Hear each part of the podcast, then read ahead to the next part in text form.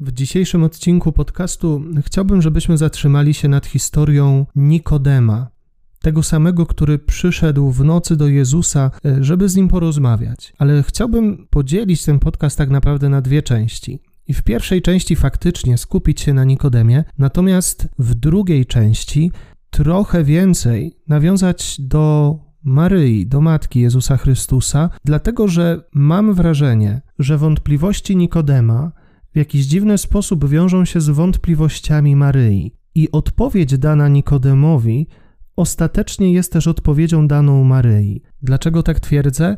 Myślę, że odpowiedź bardziej zrozumiecie w drugiej części. Niemniej, zapraszam Was do tego odcinka podcastu.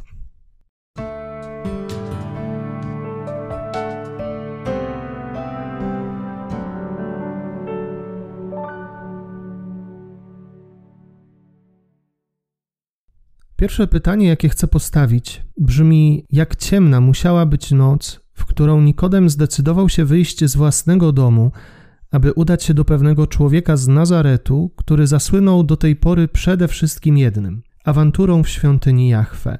Jak ciemna musiała być noc w duszy Nikodema, skoro zdecydował się postawić też niełatwe pytania. Spróbujcie sobie tę noc wyobrazić. Może jest to noc pełna mroku, w którym ktoś zabija drugiego człowieka, żeby go okraść. Albo noc pełna strachu, kiedy nie wiesz, co stanie się o świcie w obozie koncentracyjnym, w którym zostałeś zamknięty. Noc spędzona w rowie, w grocie, pod kartonem. Noc, kiedy nie śpisz i nasłuchujesz, czy przypadkiem nie nadlatują kolejne samoloty zrzucające bomby na twoje miasto. A może jest to noc osiemdziesięciolatka, który nie może spać, a jego dzieci odwiedziły go ostatnio rok temu. Ile w takiej nocy jest bólu, cierpienia, pytań, niepewności, łez? A może była to noc wątpliwości, która była bezsenna i przepojona beznadzieją? Albo noc ciemna, noc niewiary, którą dokładnie opisał święty Jan od Krzyża e, i którą przez wiele lat przeżywała święta matka Teresa z Kalkuty. Pamiętam, jak czytałem jej listy, jak bardzo uderzyło mnie to, kiedy pisała: Dla mnie Jezusa nie ma, nie ma mojego Jezusa. Nie czuję go, nie widzę go, ale wiem, że jest i może ze mną zrobić wszystko, co tylko się jemu podoba. Ja zniosę wszystko dla niego, chociaż go nie czuję. A święta Faustyna Kowalska w swoim dzienniku pisała: Choćbyś mnie zabił, ja tobie ufać będę. To była parafraza słów użytych przez Hioba, kiedy wypowiada mniej więcej takie słowa w kierunku Boga. Choćbyś mnie zabił, ja tobie ufać będę. I to też przecież wynikało właśnie z doświadczenia nocy ciemnej. Nie wiemy, jaka była to noc, ale wierzę, że Jan w tej nocy zawarł każdą naszą ludzką noc, kiedy tylko doświadczamy bólu i cierpienia, bezbronności i bezradności. Noc w naszym życiu, pełna mroku, cierpienia, zawsze wzbudza strach i niepewność. I często to one rodzą w nas tęsknotę, która prowadzi nas do przyjęcia postawy oczekiwania. Oczekujemy, bo tęsknimy za obecnością kogoś, kto da nam poczucie miłości, akceptacji, kogoś, kto po prostu będzie. Jak w nocy pełnej samotności można doświadczyć obecności? Nie ma tak naprawdę prostej odpowiedzi na to pytanie. Chociaż ta odpowiedź nam się w pewnym momencie pojawi, niejako w kontekście omawianego tematu. Przypomnij sobie Twoją noc tę najgorszą, jaką pamiętasz. I stań się na chwilę Nikodemem, który postanowił udać się do szaleńca awanturującego się w świątyni najwyższego Boga Jahwe. Chociaż, żeby stać się Nikodemem, to trzeba też zadać pytanie, kim w ogóle był Nikodem. Nikodem był faryzeuszem. Należał do elitarnej grupy ludzi, e, którą stanowili po prostu pobożni mężczyźni, bardzo inteligentni, e, którzy pościli dwa razy w tygodniu, nie jedząc niczego. Niektórzy z nich pili jedynie wodę, ale ci bardziej radykalni nawet wody nie chcieli pić. Oni składali ofiarę z 10% swoich dochodów na cele religijne. E, w sposób szczególny te ich ofiary pomagały w utrzymaniu świątyni Pana w Jerozolimie. Gdybyśmy dzisiaj spotkali takiego człowieka, to myślę, że wielu z nas spojrzałoby na niego i powiedziało: Jaki on pobożny! Ja nigdy nie będę tak pobożny jak on. A jednak faryzeusze stali się synonimem hipokryzji. Dlaczego? Bo zaczęli udawać. nałożyli na siebie tak dużo zobowiązań, zakazów, nakazów i innych rzeczy, że po prostu przestali wytrzymywać to napięcie, które powstawało w ich życiu. Nie dawali rady, więc zaczęli oszukiwać. W tym oszukiwaniu chodziło o to, by wytworzyć wokół siebie aurę tajemniczości, świętości. Jednak za tą aurą nic nie stało. Totalna pustka. Stąd rodzi się też pytanie, w którym momencie radykalizm staje się udawaniem, bo granica jest bardzo wąska i naprawdę łatwo ją przekroczyć. Łatwo jest mówić o życiu wiarą, a nią nie żyć. Mówić o nakazach, ale ich nie przestrzegać. Udawać jest bardzo łatwo. Nikodem był człowiekiem starym i o tym świadczy kontekst. A stary człowiek różni się od młodego, tym, że ma za sobą kilkadziesiąt lat doświadczenia życia. Młodzi nie zrozumieją często sposobu myślenia starego człowieka, gdyż on myśli zupełnie inaczej od nich. Weź dwóch mężczyzn, jednego starego, drugiego młodego, przedstaw im jakiś problem i poproś o radę, która ma pomóc ci go rozwiązać. I odpowiedzi będą tak naprawdę diametralnie różne. Imię Nikodem jest imieniem greckim. Najprawdopodobniej znał więc Grekę, być może zetknął się z grecką filozofią. Możliwe, że szukał odpowiedzi na swoje pytania nie tylko w Torze, ale również w filozofii greckiej. Chociaż Talmud uczył, o czym mówiłem poprzednio, że należy strzec się mądrości greckiej, a więc filozofii, dokładnie tak samo jak nieczystych zwierząt, czyli świń. Nikodem jako dostojnik żydowski musiał znać tę zasadę, ale skoro przyszedł do Jezusa, to wydaje mi się, że nawet to ryzyko przyjścia do nauczyciela z Nazaretu staje się dowodem na to, że Nikodem naprawdę był gotowy zaryzykować zapoznanie się z filozofią grecką, żeby uzyskać odpowiedzi na nurtującego pytania. Nikodem jest też nauczycielem Izraela, nauczycielem narodu. Musiał więc spełnić dwa warunki: być mężczyzną i mieć skończone przynajmniej 30 lat. Taki człowiek był kimś, kto sam nie fatygował się do kogoś, ale wzywał tego drugiego do siebie. Dziwi więc fakt, że oto Nikodem, nauczyciel narodu, e, cieszący się wielkim poważaniem i szacunkiem, będący członkiem Sanhedrynu, poszedł do człowieka, który chwilę wcześniej powywracał stoły w świątyni, awanturując się przy tym i oskarżając przebywających tam ludzi o to, że z domu Boga czynią jaskinie zbójców. Chociaż może nam to wyjaśnić jedno. Nikodem idzie nocą, by nikt go nie zobaczył. Nie poszedł w dzień do Jezusa, bo mógł się bać reakcji ludzi. Noc wydaje się więc bezpieczniejsza, bo przecież ludzie od zawsze kochają się w plotkach. Mogliby więc go posądzić o nie wiadomo jakie rzeczy. Noc jest o tyle bezpieczniejsza, że można się ukryć. Poza tym fakt, że Nikodem był dostojnikiem żydowskim, mówi nam jeszcze coś. Skoro Nikodem nim był, to znaczy, że był kimś mądrym, wpływowym, mającym władzę, pozycję, być może był również bogaty. Dobrze jednak wiemy, że dostojnicy państwowi nie mogą robić wszystkiego, co im się tylko podoba. Pewnych rzeczy im robić nie wypada. Na przykład y, Talmud uważa, że jest czymś nagannym, aby uczony samotnie wędrował czy przechadzał się nocą. Noc bowiem jest czasem, który uczony winien przeznaczyć na dwie rzeczy: studiowanie prawa i modlitwę. Jednak Nikodem poszedł nocą do Jezusa. W Ewangelii według świętego Jana e, noc nie ma jednego znaczenia, w sensie pory dnia, ale często ma też znaczenie drugie. Noc jest symbolem grzechu, śmierci, strachu. Być może Nikodem trwał w duchowej nocy. Nie wiemy tego, jednak biorąc pod uwagę, że Jan często opowiadając jakieś wydarzenie ukrywa w nim element teologiczny, moglibyśmy tak to zrozumieć. Nikodem zamiast się modlić i studiować Torę, wędruje samotnie nocą, by porozmawiać z człowiekiem, który zasłynął z tego, że zrobił rozróbę w świątyni.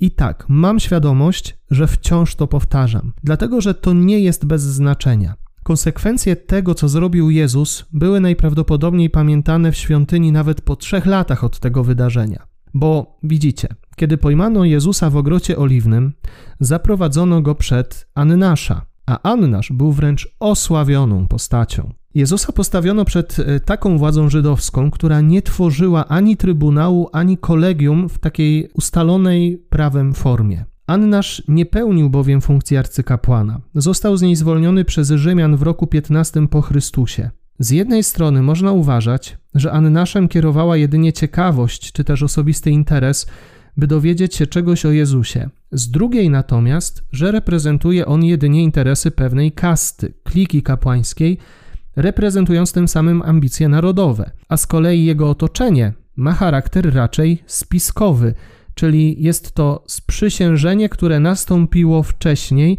i które ustaliło już los Jezusa. O tym czytamy chociażby w Ewangelii Jana w 11 rozdziale. Odwołany przez Rzymian arcykapłan był osobą, której wiodło się dobrze, a równocześnie był też potęgą ukrytą za tronem jerozolimskim. Jego czterech synów także było arcykapłanami, a Kajfasz był jego zięciem. Annasz był arcykolaborantem, człowiekiem, który kupił sobie wygodę, prestiż, władzę za cenę łapówek i za cenę współpracy z panami kraju. Rodzina Annasza była niezmiernie bogata. Jej członkowie kupowali sobie jeden urząd za drugim, podczas gdy Annasz pozostawał ukrytą za nimi potęgą. Nawet sposób, w jaki Annasz zdobywał swój majątek, był hańbiący. Na dziedzińcu Pogan znajdowali się bankierzy i sprzedawcy zwierząt ofiarnych, a więc ci, których Jezus wypędził ze świątyni. Nie byli oni kupcami, byli tak naprawdę zdziercami wyłudzającymi pieniądze. Każde zwierzę ofiarowane w świątyni musiało być bez skazy i plamy. W świątyni pracowali więc nadzorcy, którzy sprawdzali, czy tak było. Jeśli zwierzę było kupione poza świątynią, musiało być skontrolowane i zawsze można było znaleźć jakąś skazę i je odrzucić, sugerując zakup w świątyni, no bo przecież to sprawdzona zwierzyna. Ten świątynny interes był zwyczajnym wyzyskiem, a stragany, na których zwierzęta były sprzedawane, zwane były bazarem Annasza, dlatego że były własnością jego rodziny. To przez wyzyskiwanie pobożnych, handlując świętymi ofiarami ludzi, Annasz zgromadził fortunę.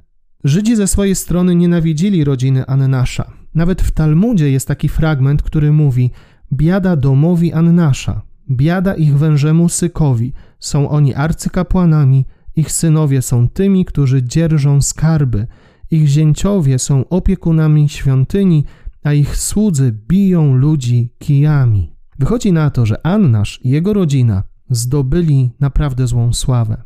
Widzimy teraz, y, dlaczego Annasz ułożył wszystko tak, aby Jezus był przyprowadzony najpierw do niego. Jezus był tym, który zaatakował jego pomysłowy interes.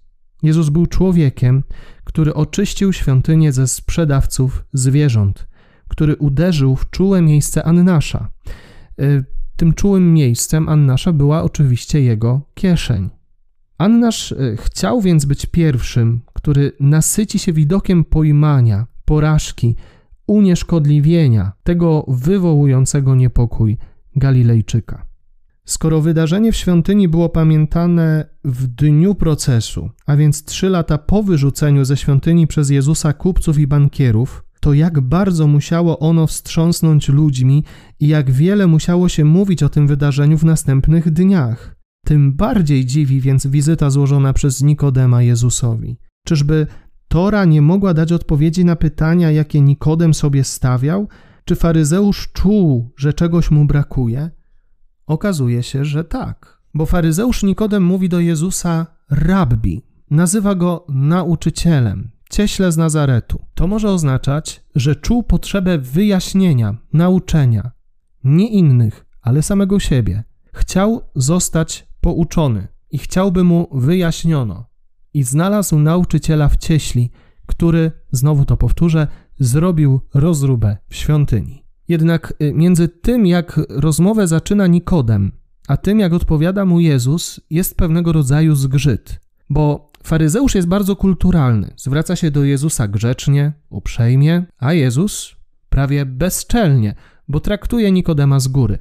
I to musiało dotknąć żydowskiego dostojnika. Faryzeusz, będącym kadosz, czyli świętym, innym, oddzielonym, jest traktowany przez zwykłego cieśle, robotnika, jak ktoś gorszy, jak ktoś głupszy. Nikodem wchodzi jednak w temat powtórnych narodzin i jest wciąż bardzo uprzejmy, a Jezus? On znów z góry mówi do Nikodema o wodzie i duchu. Jezus nie dostosowuje się do Nikodema, ale Nikodem ma iść za Jezusem, za jego tokiem myślenia. Jezus stawia Nikodemowi bardzo konkretne wymogi. Noc to jeszcze coś więcej. Na początku, kiedy Bóg stworzył niebo i ziemię, wszystko było spowite ciemnością. To Księga Rodzaju, rozdział pierwszy, werset drugi. Dopiero Bóg stworzył światło. Ten sam rozdział, werset trzeci. Kiedy Bóg wchodził w przymierze z Abramem, kazał mu wyjść z namiotu i liczyć gwiazdy. Była więc noc. To też Księga Rodzaju, rozdział 15, werset 5. Y, noc także osłaniała wychodzących z Egiptu po wielu latach niewoli Izraelitów. Była to noc paschalna, Księga Wyjścia, rozdziały 11-13. Bóg nie boi się nocy. On działa także nocą. On daje nam światło. On przez noc przeprowadza. On nawet nocą ochrania swój lud. Bóg nocą spotkał się z Nikodemem, aby rozjaśnić mroki, w jakich ten faryzeusz trwał. Jezus mówi wprost: Trzeba narodzić się na nowo, ale zupełnie inaczej.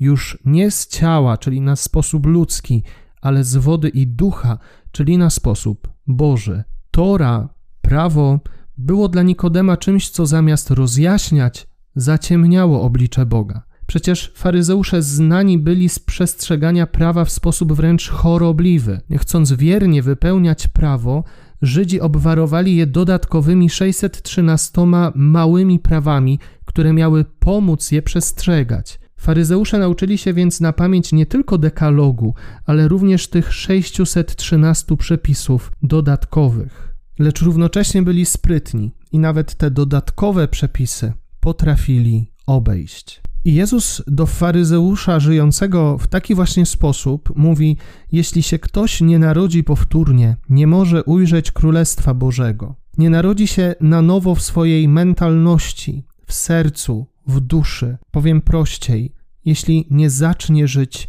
inaczej. I tu powstaje pytanie: jak? Nikodem nie widzi w Jezusie proroka, ani tym bardziej Boga, ale tylko nauczyciela. Nikodem przychodzi z powodu Boga, patrzy na Jezusa i nie widzi, słucha i nie słyszy. A Jezus odpowiada na problem Nikodema, nie na jego słowa. Odpowiedź Jezusa jest jednoznaczna. Potrzebna jest zdolność zakwestionowania swoich poglądów. To jest warunek nawrócenia. Dlatego właśnie Jezus na pytanie Nikodema, jakże się to może stać, odpowiada wręcz bezczelnie, bo ironizując i wywyższając się nad faryzeusza, ty jesteś nauczycielem Izraela, a tego nie wiesz? Nikodem ma wątpliwości, tak jak wątpliwości miała Maryja.